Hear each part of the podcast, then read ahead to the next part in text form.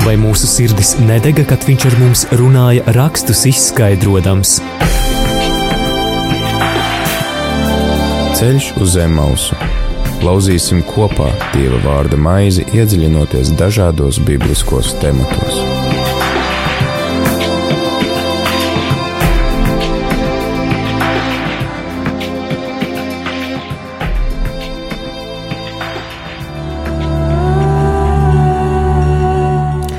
Ceļš uz Emausu ir ceturtdienas vakars.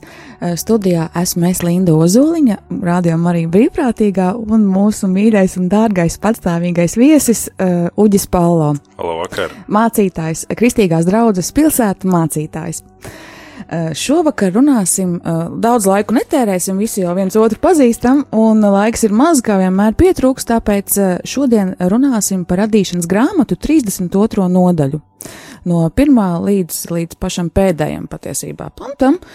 Um, jā, Uģi, tu vēlēs lasīt?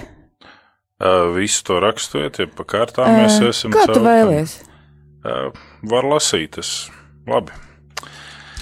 Uh, Labans celās agri no rīta, skūpstīja savus dēlus un meitas un sveitītos.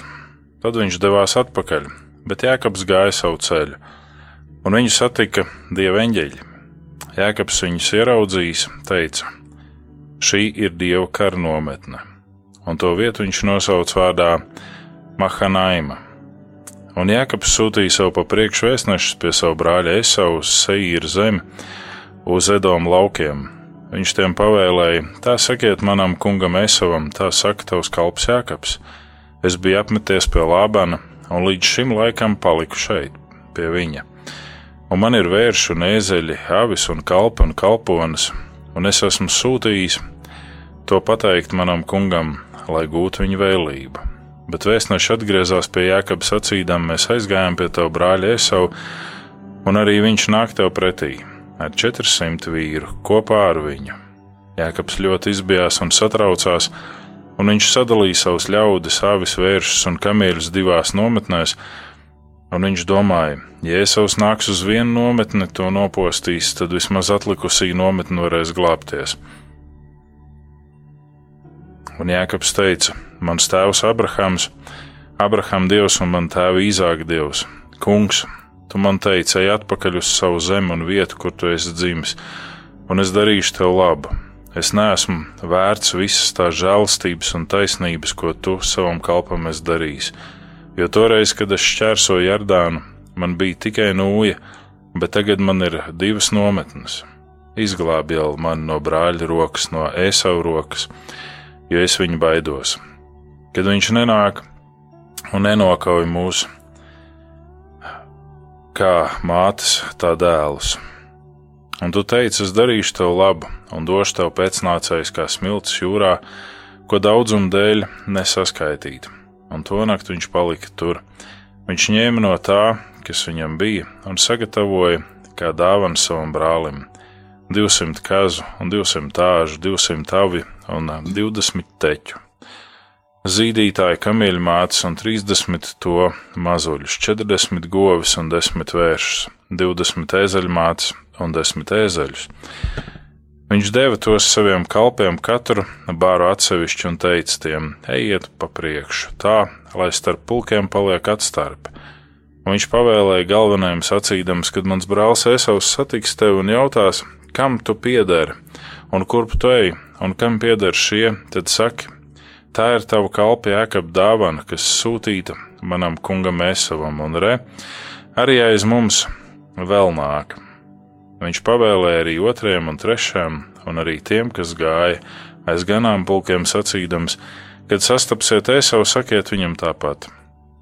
Sakiet, redzi, arī tavs kalps Jēkabs nāk aiz mums, jo viņš domāja, es viņu pielabināšu ar dāvanām, kas iet man pa priekšu, un tik pēc tam skatīšu viņu vaigā.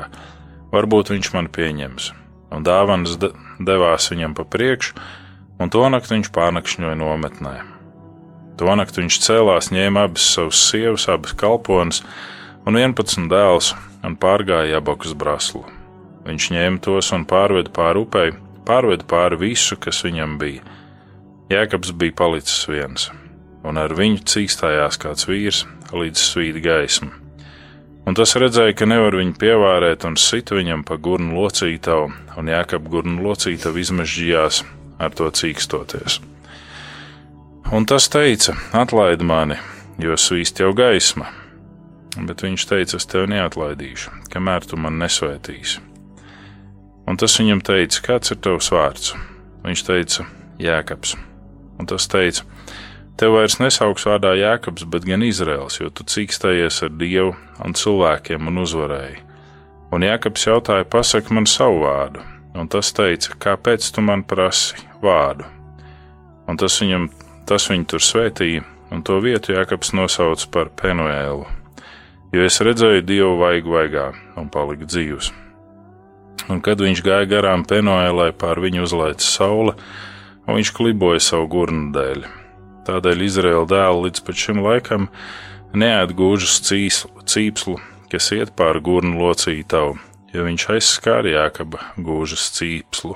Āmen! Āmen.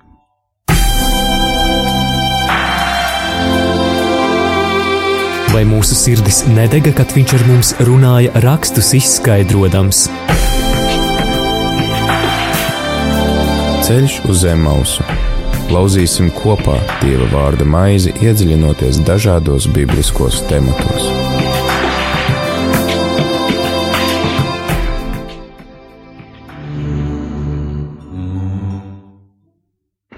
Nu, esam izlasījuši visu garo nodaļu, mm, ļoti patīkamā tembrā, patika klausīties, un arī tev uh, droši vien varbūt pasaka, no kāda tulkojuma tu lasīji, jo man bija pilnīgi atš nu, ļoti stipri atšķīrās. Okay. Es lasīju 12. gada jauno bībeles tulkojumu. Mm, skaisti. Nu, tad um, 32. nodaļa, pirmā mūsu grāmata. Jā, es, piemēram, mājās lasīju krievu valodā, un tur pirmais pāns ir tikai tā kā otrais pāns, jā. Bet, nu, tas neko nemaina tā lietas būtību. Ar ko tu vēlēsi sākt? Nu, ar taviem jautājumiem. Ar maniem jautājumiem. nu, mani jautājumi visi ir, principā, saistās tikai ap to, kas būs nodaļas beigās, kad, kad ir šī cīņa aprakstīta, jā. jo es.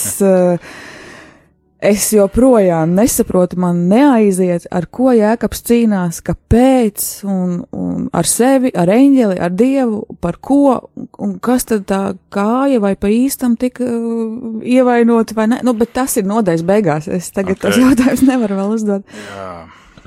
Uh, principā šis viss stāsts par jēkabu līdz šim brīdim līdz raksturvietai, kur mēs lasījām. Sākumā no tās vietas, kur jēkabs mūk no mājām un kur viņam sanāk šī saķeršanās ar tēvu un ar brāli pirmreizējā. To visu varētu definēt, kā tūkstneša tēvi definē dvēseles tumšo nakti. Mm. Un dvēseles tumšajā naktī mēs neredzam tikai slikto. Mēs redzam arī ka notiek labas lietas, ka Jēkabs tiek svētīts, ka viņam tur ir ganāmpulki, kas pavairojās, ka viņam ir sievas, bet tāpat laikā mēs redzam to, ka ik pa brīdim viņš saņem vilšanos, viņš saņem sāpes, viņš saņem kādas ciešanas, eh, nesaskaņas viņa sievas starpā, nesaskaņas viņam ar sievas tēvu, cīņas visādas. Un tad ir tas brīdis, kad viņš dodas prom no sievas tēva, kurš jūtās, ka Jākaps viņu ir apkrāpis. Un reāli tās nodaļas beigas ir tāds ļoti īpašs stāsts, jo tur mēs redzam vairākas miedarbības ar Jākabu vārdu. Kā viņš sevi raksturo, kā tas, kas cīnās ar viņu, viņu raksturo. Ne. Uh, Bet, kā jau tu teici, jā, tas jā, pie nodaļas beigām pagaidīsim. Bet uh, dvēseles tumšā naktis tas nav tā, ka uh, Dievs neatbild un nerunā. Es esmu dzirdējis, ka tumšā mm, skaitās tad, kad. Nē, ne? dvēseles tumšā naktis ir tad, kad tu ej cauri lielām ciešanām, bēdām, cīņām. Uh, Dievs atbild, tikai tu nevēlies dzirdēt, un tu esi viens pats. Mm -hmm. Un tad, kad tu esi viens pats, tad reizēm tu saki, nu, kaut vai nedaudz es dzirdētu, nezinu, no cilvēkiem vai no apkārtējiem ļaudīm, nu, pasaka man kaut ko, un ir pilnīgs klusums. Bet mm. Dievs atbild. Dievs pats par sevi atbild. Bet es nedzirdu. Es nedzirdu, jo viņš neatbild tā, kā es gribētu. Mm -hmm. Un es vēl neesmu gatavs pieņemt Jā. to, ko viņš saka. Ne? Un, ja mēs salīdzinām ar pulksteni, to dvēseles tumšo nakti, tad tas ir apmēram no pussešiem līdz septiņiem, pusastoņiem, astoņiem. Tik maz. Tas laiks, bet tā cīņa ir daudz ilgāka. Jo tad, kad cilvēks nonāk sākumā dvēseles tumšajā naktī, tad viņš mēģina skriet atpakaļ tur, kur bija gaisma, bet viņš nespēja apsteigt pulksteni. Ne? Laiku nevar apsteigt. Un tad ir tas pirmais lūzums, kad viņš saprot, ka es neapsteigšu laiku. Mm. Jādodas ir tālāk. Un tad viņš paliek viens, viņš dodas cauri dvēseles tumšajā naktī, Un jo dziļāk viņš iet naktī, jo ātrāk pienāk rīts, ja precīzāk viņš ātrāk ierauga gaismu. Mm -hmm. Nu, tā ir tāda mazliet metāfora, bet mēs to redzam arī Jēkabā šajā cīņas pēdējā epizodē. Un mēs to redzam Jēkabā visas dzīves gājumā, jo līdz dvēseles tumšajā naktī cilvēks parasti ir ļoti paštaisns, viņam viss ir melns un balts. Un uh, Viņš nezina, ko nozīmē es žēlsirdīgs mums un visai pasaulē. Viņš nezina, ko tas sevī ietver praktizēt žēlsirdību, jeb žēlastību, un viņam ļoti bieži gribās pielikt kādus e, gadgetus klāt, piemēram, stāstam par pazudušo dēlu. Tad, kad tas skar viņu, tad vajag pielikt klāt šos gadgetus. Un tie gadgeti ir. ir à, tas ir ļoti vienkārši. Kad tēvs sūtīja pazudušiem dēlam čekus katru rītu, lai dēlam pietiktu nauda. Svešā. Ja tādā brīdī, kad cilvēks saka, bet kāpēc tu ļauj man nonākt līdz cūku silai? Jā. Atbilde ir, bet savādāk tu nesapratīsi, ka mm -hmm. ir mhm. tēva mājas. Mm -hmm. Nē, bet tad jau tu neesi īsts mācītājs, tad jau tu nepraktizē žēlastību.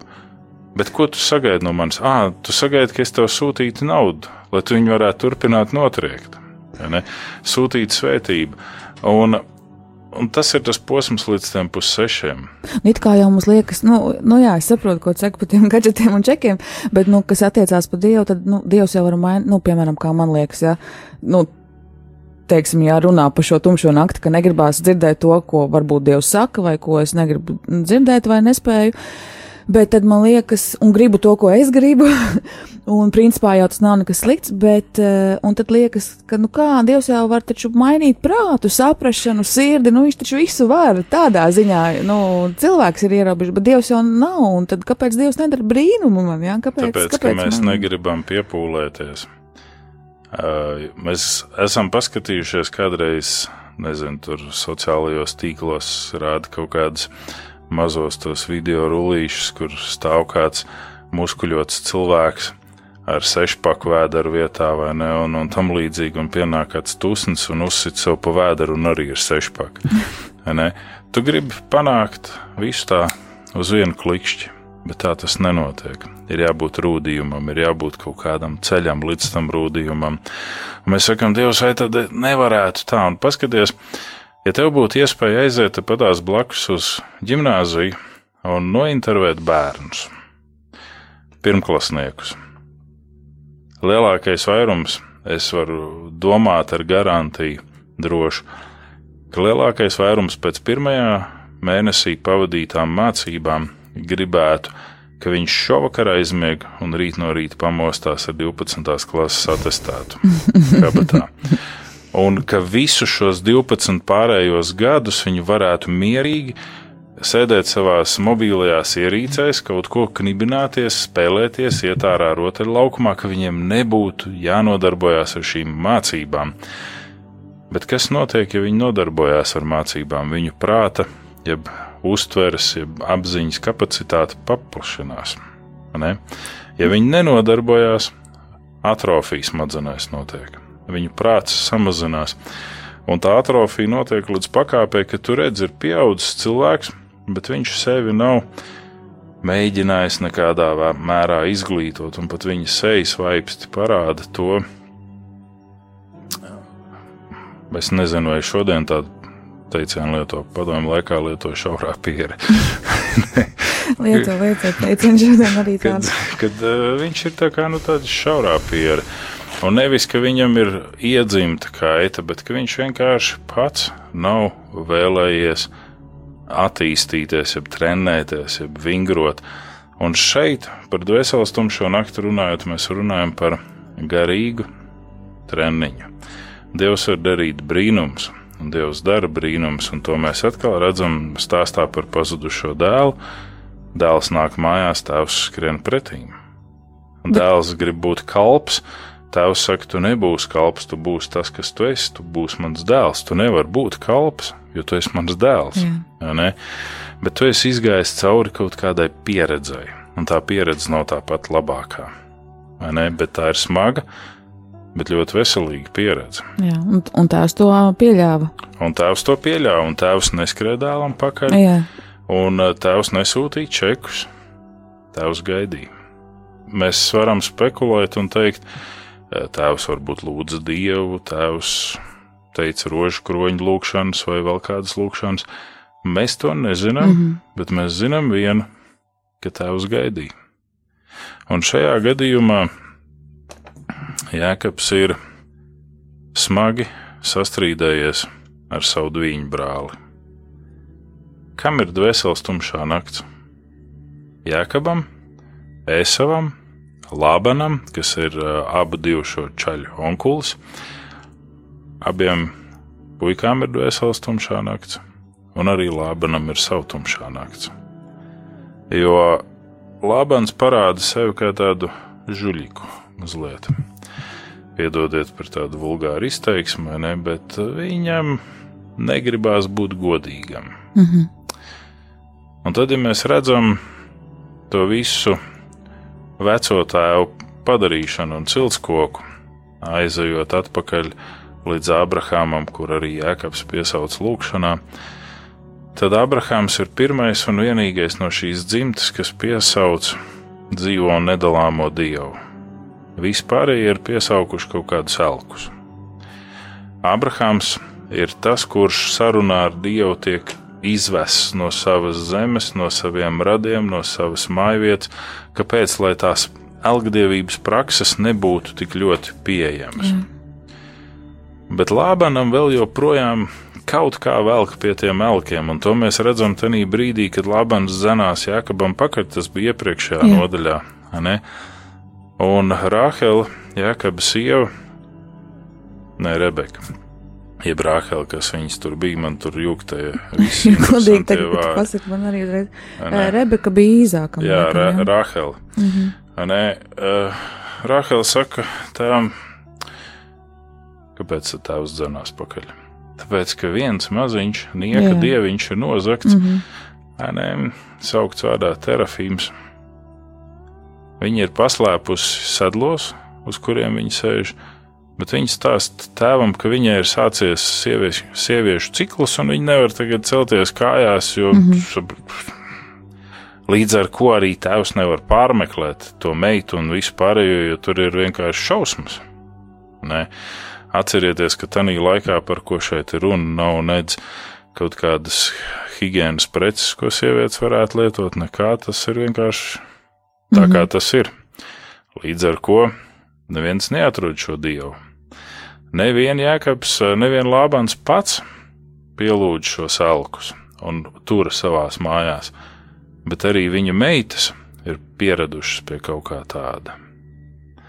Un Jēkabam viņa tumšās nakts laikā ir pienācis tas brīdis, viss viņam ir jādodas prom arī no šī daļējā elku mitekļa. Vai ne? Esavam savukārt, par Esavu šajā brīdī ļoti daudz ir runāts jaunajā derībā, vēstulē ebrejiem, romiešu vēstulē, kur ir stāstīts mazliet citā narratīvā šis stāsts, ka Ēsaus nicināja savu pirmdzimtību. Ēsaus nenovērtēja to, kas viņam pienācās, to, kas viņam bija. Un viņš to nicināja tik tālu, ka viņš bija gatavs to par lobarību samainīt. Viņš nicināja vai nenovērtēja vienkārši jau vēl. Nu, Nenovērtēšana sevi ietver arī nicinājumu. Mhm. Ja tas vārds, ko viņš saka, ir, kam man pirmdzimtība, ja es mirstu badu? Un tā bada miršana ir sekojoša, ka viņš ir aizgājis uz medībām, neko nav nomedījis, nāk mājās, un viņš ir izsalcis. Jēkabs taisa lopiem barību tajā brīdī. Un viss.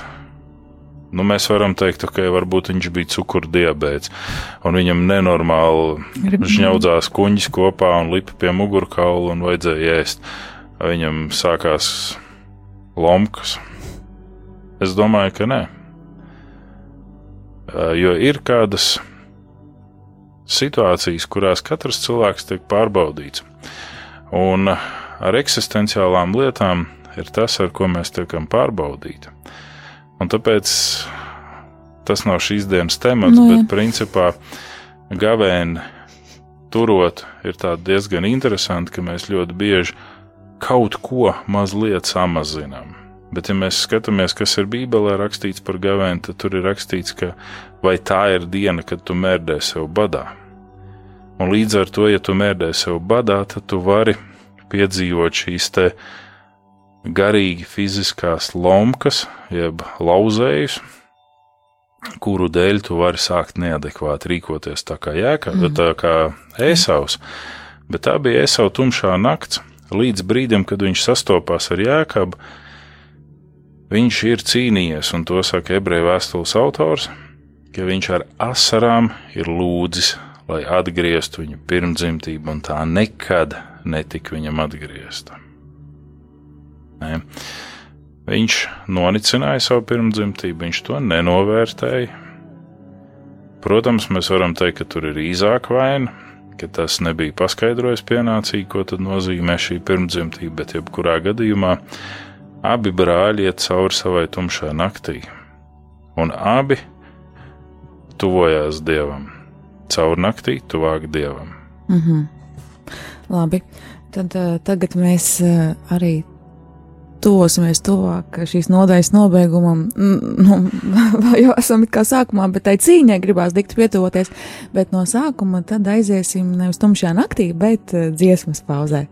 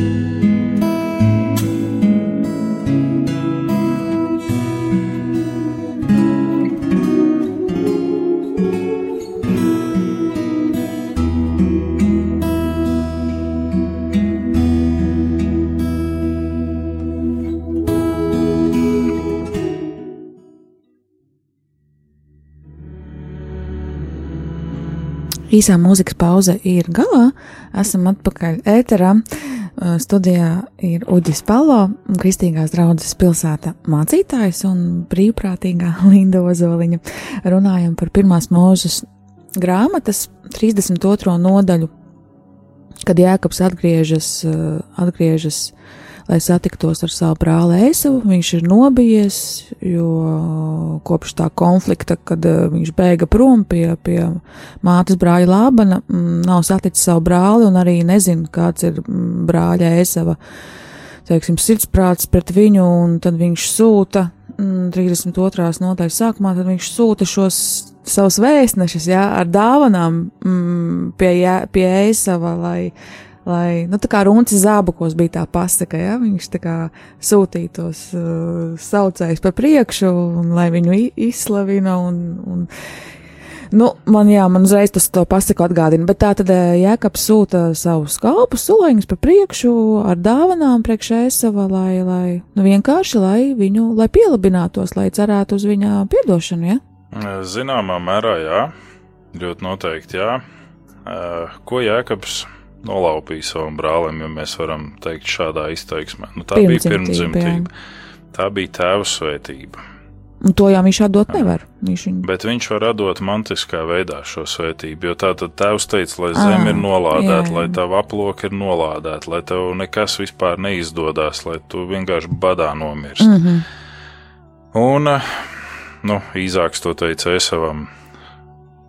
Līdz ar ko Jākaps mēģina šādā veidā pielabināties. Otra lieta, ko mēs redzam, bet viņš jau pat maz nezina, vai, ne, ka, vai ezavam labi iet vai slikti. Jo... Viņš neko nezina. Jā. Viņš ir mēģinājis sūtīt kādus sūtņus, noskaidrot, bet sūtņi atgriežas, un šis stāsts mazliet līdzinās tam, kas notika apsolītajā zemē vēlāk, kad Mozus veda tautu cauri tūkstnesim uz apsolīto zemi, kad tika nosūtīti sūtņi, Un uh, sūtņi atgriezās un teica, tur ir milži. Mm -hmm. Mēs nevarēsim viņus uzvarēt, tur ir šausmas. Uh, ja mēs lasām rakstus, tad vienīgo milzi pēc iekarošanas, apsolītās zemes iekarošanas, mēs sastopam 150 gadus vēlāk, ko zēns ar akmeni nosita. Ne? Nav milžu, bet labi, ir milži. Šeit ir tas pats. Atgriežas tie izlūk un saka, hei, tavs brālis nāk ar 400 karavīriem Viņš ir baigi niknais. Mm -hmm. Jā. Vai viņi ir runājuši vispār ar ESO? Vai kā tur ir, mēs nezinām. Mēs, mēs zinām tikai to, ka tiek pieņemta šī austrumnieku tradīcija, kā tu saki, pielabināties, jeb dod dāvāns, būt dāsnam. Un tad, kad tu dod dāvāns, tas ir ne tikai tā kā dāvana, kā mēs ļoti bieži šodienīgi ieejam veikalā, urbinam degunu un domājam, nu, kaut ko vajag uzdāvināt, nu, ko tad tur dāvinās. Nu, varbūt kāds smaržu pudelīti paņemt, nu, kas tad tā lētāk maksā, vai kam ir akcija vai ne. Tās nebija tādas dāvanas, tas bija reāli tā kā upuris. Tu -hmm. atplēsi no sevis, jo tur ir uzskaitījums 30 zīdošas kamieļu mātes un viņu mazuļi, un tur ir cik tur simtos tie lopi Yeah. Un, un, un, un āži, un, un, un aviju, 200 aviju un 20 teķi. Yeah. Un 200 kāzu un 20, 20 āži. Tas ir konkrēts pulks ar ganāmpulks. Un pie tā, ka Jēkabs visu savu īpašumu var sadalīt divās nometnēs, cilvēku ziņā, šie lopiņi viņam pašam ļoti labi noderētu bet viņš šos sūta kā dāvinājumu. Kā dāvinājumu savam brālim, kā upuri. Un parasti šīs dāvanas ir tā kā tāda dubultā miedarbība, lai Dievs redz manus labos nodomus, un lai cilvēks redz. Tātad vertikāli un horizontāli mm -hmm. es dodu šīs dāvanas. Upuris ir vertikāli un horizontāli aiziet dāvanas. Ne? Jo viņam ir informācija, ka Ēsaus ir ļoti dusmīgs un karavīgi noskaņots. Un ka nāk arī ar tiem 400 vīriem, jā. jā, ka nevis viens, bet, bet ar. Un tad mēs nonākam pie tās pirmās lūkšanas. Mēs varētu teikt, ka šis ir tāds paplašināts žēlsirdības kronītis no 12. panta. Jā. Izglāb mani no mana brāļa rokas, no ēzava rokas, jo es bīstos viņu, ka tas nenāk un nenokauj mūsu mātes un viņu bērnus jā, nē. Viņš saka, Dievs, tu taču man teici būt žēlsirdīgs. Tu man liki iet, tu man liki jā. atgriezties, tu man liki sastapties ar manu brāli, tu man liki sastapties ar visu šo situāciju. Vai es varētu teikt, vai es pamazs esmu cietis no Lābana, no viņa krāpniecībām? Es iemīlēju vienu viņa meitu, viņš man deva citu meitu. Ne? Pēc tam man bija jākalpo šie gadi. Un, un tad vēl tās divas kalpones man tika pastumts manā ceļā. Un, un es esmu noguris. Un tad, kad ir dvēseles tumšā naktis, tad parasti cilvēks jūtas noguris, jo viņa redze neierauga dievu. Un tāpēc ir šī izmisuma lūkšana. Viņš jau ir žēlsirdīgs, man palīdz, izglāb mani. Un tu teici, ka tu man darīsi par lielu tautu. Tu teici, ka man īpašumi nebūs saskaitām, un, un, un, un viss būs vienkārši fantastiski. Bet šeit es esmu, un man nāk pretī brālis ar 400 vīriem, un lai arī mums ir divas nometnes, un mums ir daudz lopiņu un vispārējais, bet mēs neesam karēvīgi noskaņoti. Jo kamēr es kalpoju pie Lābana, man radās kādi kalpi, bet kas ir kalpi, tie jau nav karotāji. Ne.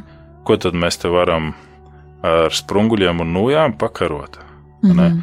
Labi, mēs tur varam kādu lācu vai lauvu ganāmpulku aizstāvot, uzvarēt, bet ne jau reāli bruņots karavīrs. Nē, un, un, un viņš, viņš nonāk pie tā, viņš ir labi.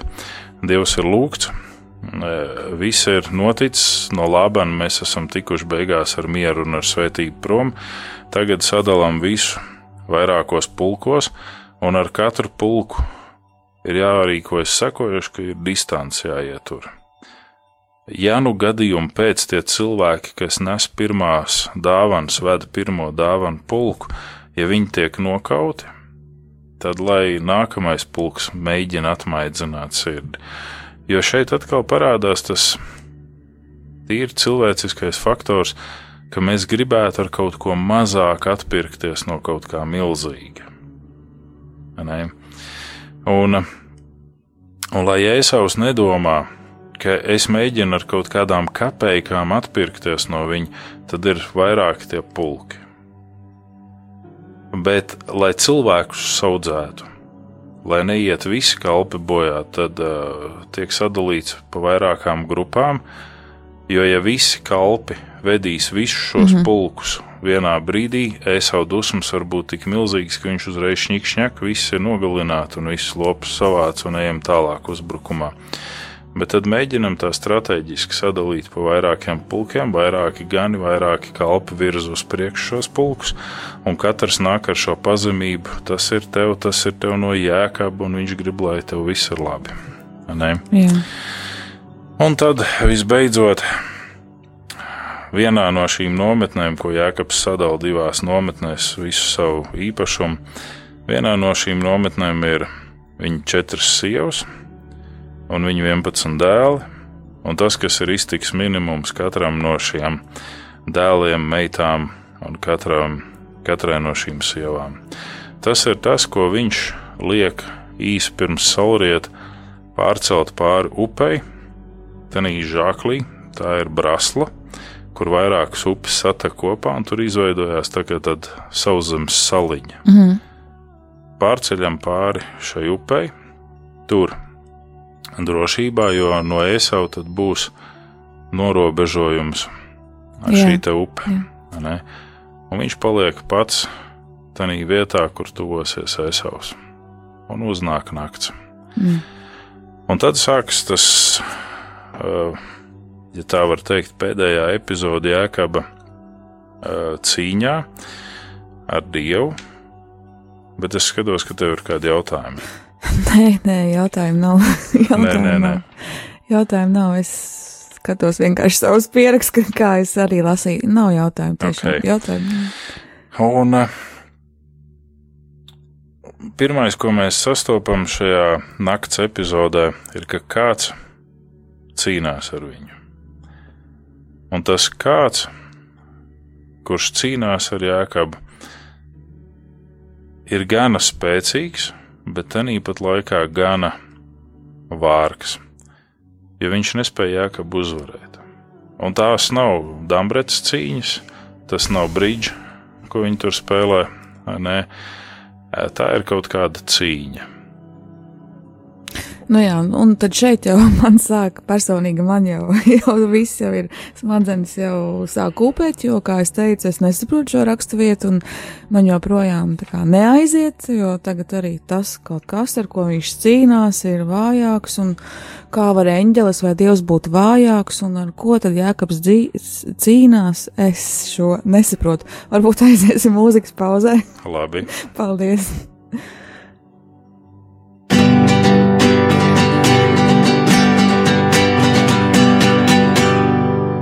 Mēs sākam ikdienu ar līgsmu sveicienu, lai slavēts Jēzus Kristus ir visā mūžībā.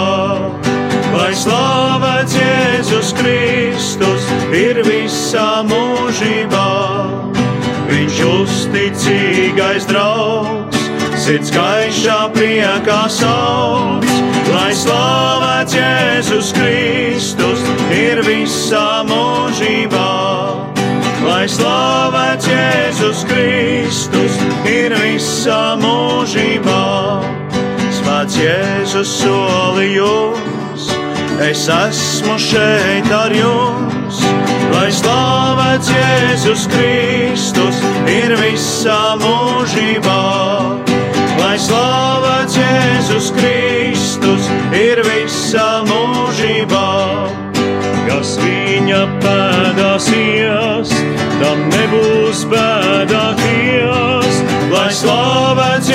Jēzus Kristus ir visā mūžībā.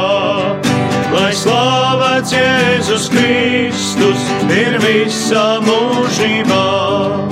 Vai darbs vai atpūtā?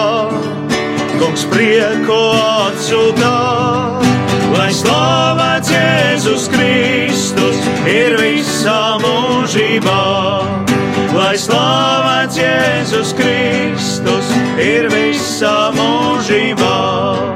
Pat katrā grūtībā ir sava svētība. Lai slavēts Jēzus Kristus ir visā mūžībā.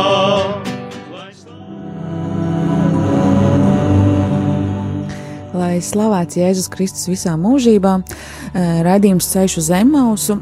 Mm, joprojām apskatām pirmās mūža grāmatas 32. Eh, nodaļu. Eh, aprunājām, izrunājām to, ka Jēkabs dodas pie sava brāļa Eizava, sūtot pa priekšu dāvanas, arī tādā varbūt veidā arī parādot, ka, ka un arī viņš saka, ja Eizavam caur šiem te sūtņiem, ka, ka viņš ir uh, bija skalps Lābanam, respektīvi viņš parāda, ka, ka it kā viņš nav šis te ķēniņš vai, vai šis te tādā augstā statusā bijis, ka, nu, ko viņam it kā tās svētības solīja, ka viņš ir, nu, ze, zems, parasts uh, cilvēks un ka, ka šīs dāvanas sūta, lai, lai, jā, lai iežēlotu, ja eiz, eizavu sirdī, ja vēl tā būtu ļauna uz viņu.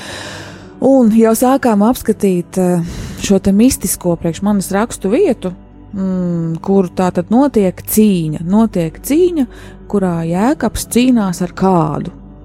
Ar kādu, un dodu vārdu tad tev. Okay. Jēkabs cīnās ar kādu. Un, ja mēs tā ļoti prātīgi izsakojam līdz 32. nodaļai, tad mēs varam redzēt to, ka šis kāds ir visu laiku kopā ar Jēkabu jeb kādi ir visu laiku kopā ar Jēkabu. Tieši tādā pie tās upes vai, vai pirms vispār? upes.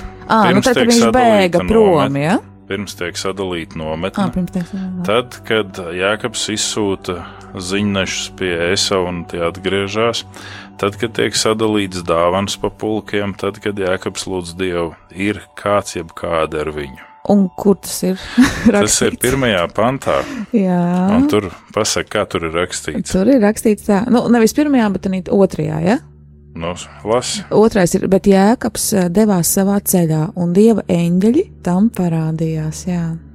Nē, tā tad ir parādījušies šie dieva eņģeļi, un oriģinālajā tur ir vārds malāk, kas nav līdz galam vēl izpētīts, bet ļoti bieži tiek lietots kā īpaši dievu sūtņi, jeb īpaši dieva pārstāvi. Tā kā Ja Pāvils jaunajā derībā sev salīdzina ar terminu vēstnieks, tā šeit varētu būt runa tā kā dieva vēstnieki, tā kā dieva pārstāvi, tā kā tie, kas no augstākās pārstāvniecības nāk un izsako, kā tu atrisināsi šo situāciju, mm -hmm. kā tu rīkosies. Un tas liek mums domāt par šo vienu epizodi, ka tad, kad mēs esam savas dzīves krīzēs, dziļajās sērās vai tumšajās naktīs vai tuksnesī, ka mums blakus ir kādi dieva pārstāvi, kuri vēro, kā mēs atrisinām šo situāciju, kā mēs rīkojamies šajā situācijā. Un Jēkabs to pamana, ka viņš tiek novērots, un viņš saka, šī ir dieva kara nometne. Mm -hmm. Tas ir tālākajā pantā un tādēļ viņš šo vietu nosauca Mahanaima. Jeb kas būtu tā kā tulkots kā vienkārši nometne vai kāda konkrēta vieta Palestīnā tiek iezīmēta arī ar šo apzīmējumu Mahanaima. Ne? Tātad šie dievu vēstneši ir kopā ar Jēkabu. Un tad notiek šī cīņa. Un cīņa tiek apzīmēta, ka Jēkabs cīnās ar Dievu. Un mums ir jāsaprot tās kultūra vides standarts, ko mēs šodien ļoti bieži aizmirstam. It sevišķi brīvbaznīcas to aizmirst, arī jebkuras konfesijas, kuras nāk pēc Lutera, viņas ļoti bieži to aizmirst un samazina ka priesteri, mācītāji, diakoni, evaņģēlisti, ka viņi ir dievu pārstāvji. Ne? Viņi jā, ir kā dieva reprezentatīvs. Un tas nozīmē, ka ja tu sacelies pret šo personu, tu sacelies pret pašu dievu. Mm -hmm. Ir arī otrs, ka tās personas pašpaukstinās un saka, es esmu, mm -hmm. un tu nedrīkst tā runāt ar mani. Un tad, kad notiek šī cīņa, Jēkabs cīnās ar šo dievu pārstāvu, kas reprezentē pašu dievu. Bet tad ar, tas pārstāvs ir fizisks vai garīgs? Kas viņš ir? Tas ir laikam jautājums, ko mēs varētu droši teikt, ka debesis mums atbildēs. Mm -hmm. e, katrā gadījumā tas nav nedz jēkaba raksturs, tas nav nedz jēkaba iekšējais es. Tas nav arī jēkaba superego, tā nav jēkaba zemapziņa un tā nav jēkaba bezapziņa. Tie nav jēkaba murgi naktī. Tā ir persona, kurai ir tiesības mainīt nākotni. Un tātad šī persona, kurai ir tiesības mainīt nākotni, ir dieva pārstāvis ar autoritāti, konkrētu autoritāti mainīt nākotni, jo mēs redzam šo likteņa maiņu šīs cīņas epizodēs. Es varbūt negribu runāt tik daudz par tām fiziskajām epizodēm, kura ir tā cīpsla, kuru aizskāra, eh, jo tā arī nav vienkārši gurns, nav izmežģīta kāja vai mm. spieķa kauls. Tur ir konkrētas lietas. Ne? Lai, lai izmainītu ir... DNS. Oh lai jēkab DNS būtu mainīts nākotnē, ir jāpieskarās kaut kur konkrēti. Un tad, kad mēs lasām dažas nodaļas iepriekš par to, kā Abrahāms sūta Eliezeru pēc īzāka sievas, Jā. tad Eliezeram ir jāieliek roka kaut kur un jāzvēr. Jā. Ne? Arī par šo mēs nerunāsim, es tikai tā uzasinu mūsu mm -hmm. domāšanu. Bet šīs uh, krāpnieciskās tendences, kas ir jākabā, tas ir viņa DNS. Tas Jā. nav tikai, ka viņš tāds, nu, var būt labs un var būt žuļīgs. Tas ir viņa DNS. Tā ir viņa daba. Tā ir viņa daba, Jā. tā ir viņa dziļākā būtība. Jā. Un šis cīņas moments parāda, ka Dievs pieskarās, jeb šis Dieva pārstāvs pieskarās viņa DNS un izmaina to. Mm -hmm. Jā, jo Jēkabs pats saka, Viņš, tad, kad tas, kurš cīnās, it kā viņš nezinātu, kas ir kas, viņš jautā Jēkabam. Un tā atkal ir tāda austrumnieku taktika. Viņš saka, kā tevi sauc? Un Jēkabs saka, Jākob, kas varētu nozīmēt, kā jau tu pieminēji, šo te viens, kurš turās aiz papēdi, mm -hmm. bet tur ir tāda maza mija. Jākob vai Jākov ar vienu burtiņu tikai ir tā izmaiņa, Jā. kas nozīmē vai krāpnieks, mm -hmm. vai viens, kurš cīnās. Jā. Nē. Un Jēkabs pats sev saka, es esmu krāpnieks. Jā. Un tas, kurš cīnās ar viņu, saka, tavs vārds turpmāk vairs nebūs viens, kurš cīnās. Jo līdz šim Jēkabs vārds ir bijis viens, kurš cīnās par jebko, par pirmdzimtību, par svētību, par, uh, par visu. Ne? Bet šajā brīdī Jēkaba salūzums Dievu priekšā ir šī sirds izkratīšana, kā psalmis saka, viņš izkrata savu sirdi, viņš saka, es esmu krāpnieks. Un tas eņģelis, Dieva pārstāvis, ar kuru viņš cīnās, viņš saka, tu vairs nebūsi tas, ko tu uzskati, un tu nebūsi tas, ko vecāki uzskatīja tevi. Esam. Jeb dzemdību vārds. Mm. Ne? Un tas ir tas likteņa maiņas apstākļus, kur pasaka, turpmāk tu būsi Izraēla Kas tas ir? Tas mums ir savienojums no vārda jēkaba. Pirmais burts tiek paņemts. Ne? Un Šraēl ir Dievs valda, jeb Dievs uh, nu, pārvalda, mm -hmm. Dievs vada. Ne? Un saliekot šo kopā, iznāk tas Izraēla vārds. Tā tad viens, kuru vada, jeb caur kuru valda Dievs. Yeah. Un tā tad šis eņģelis, jeb šie eņģeļi, kas ir vērojuši jēkabu izmaiņas šajā narratīvā, pasaka, ka Dievs savus pilnvarus tagad nodod tālāk jēkabam. Ka jēkabs var valdīt kā Dievs, ka Izraels, jeb šī tauta, kur arī nedrīkst pašpaukstināties, bet ka viņi turpmāk valdīs kā Dievs. Ka viņiem ka ir Dievs. Tauta valdīs kā Dievs, vai ka Dievs valdīs caur to tautu? Tauta ir pārstāvis zemes virsū kā dieva mm -hmm. Vēstnieki, kā dieva simbolu, un par to jā, Pāvils runā. Viņš saka, ja mēs esam no šīs tautas saņēmuši garīgu svētību, tātad Jēzu Kristu, vai mums nevajadzētu dot viņiem fizisku svētību? Jo caur šo tautu pasaulē ienāca Jēzus Kristus. Jā. Mēs uzliekot savus mītus un mītu teoriju, esam aizvilkuši to Jēzu Kristu tik tālu, ka mums jau beigās viņš ir tāds ārietis, zilām acīm, blondiem matiem. Un, ja viņš būtu bijis tāds, tādā laikā Palestīnā, tad pravietis neteiktu, ka viņš bija tāds, ka mēs viņu par ko mm. neturējām un neatpazinām, un ka vajadzēja jūdu izkarjot, kurš nodod Jēzu, lai varētu atpazīt, kurš tad ir tas Jēzus. Mm. Iedomājieties tagad ebreji visi mat, melniem jā, matiem, jā. tumšām acīm, ne, ar kipām. Un pēkšņi tur viens kalns ārietis gaišs zilām acīm. Nē, nu, pilnīgi neatpazīstams, kurš ir Jēzus.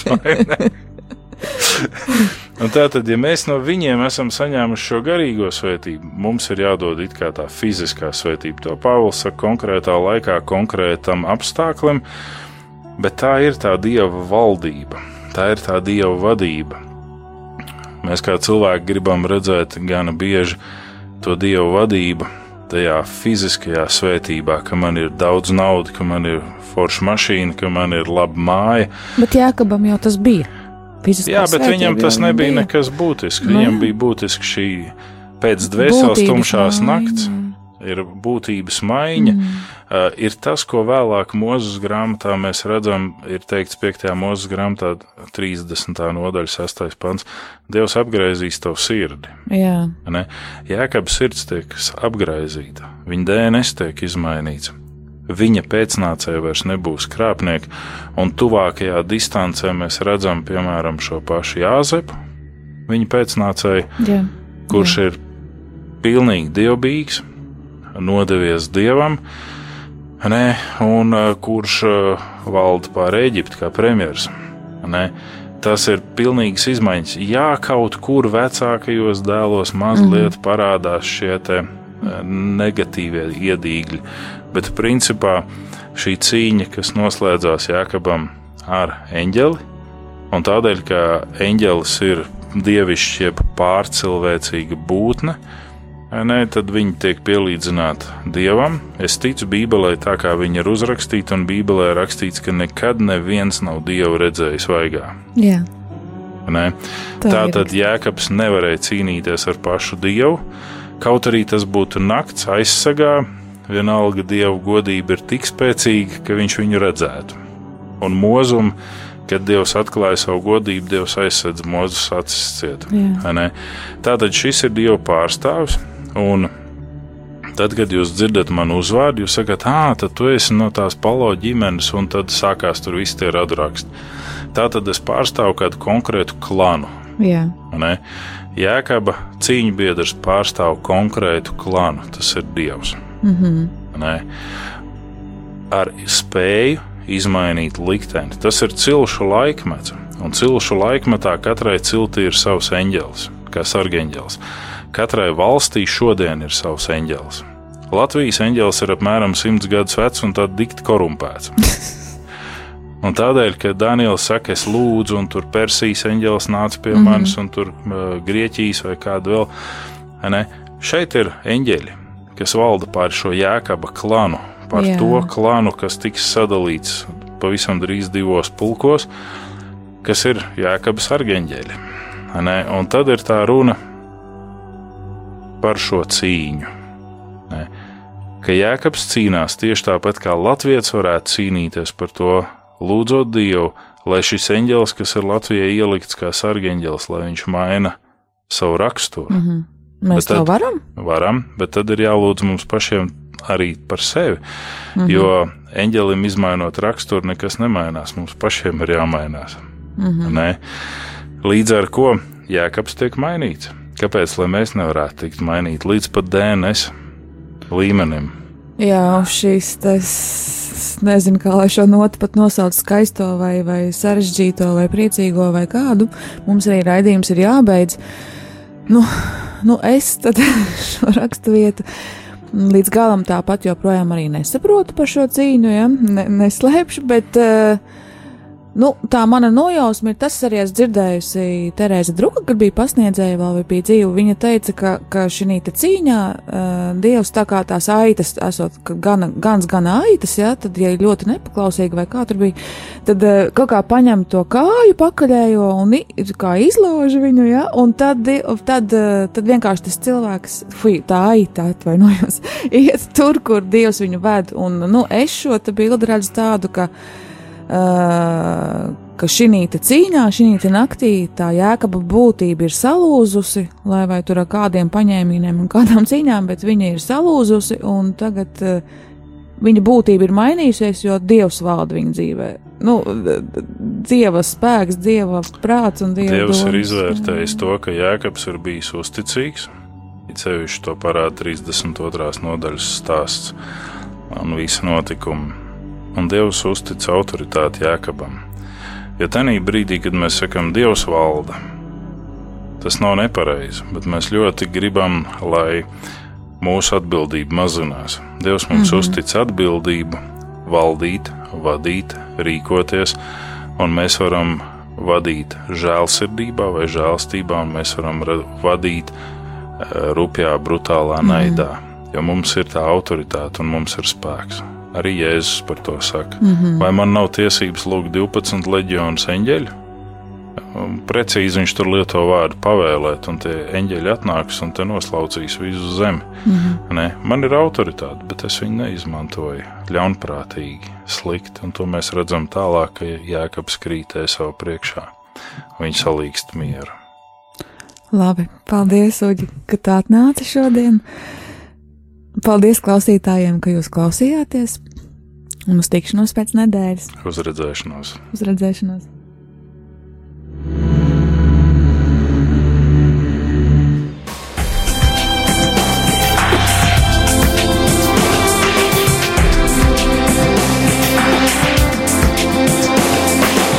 Ceļš uz zem mausu katru ceturtdienu, pulkstens 17.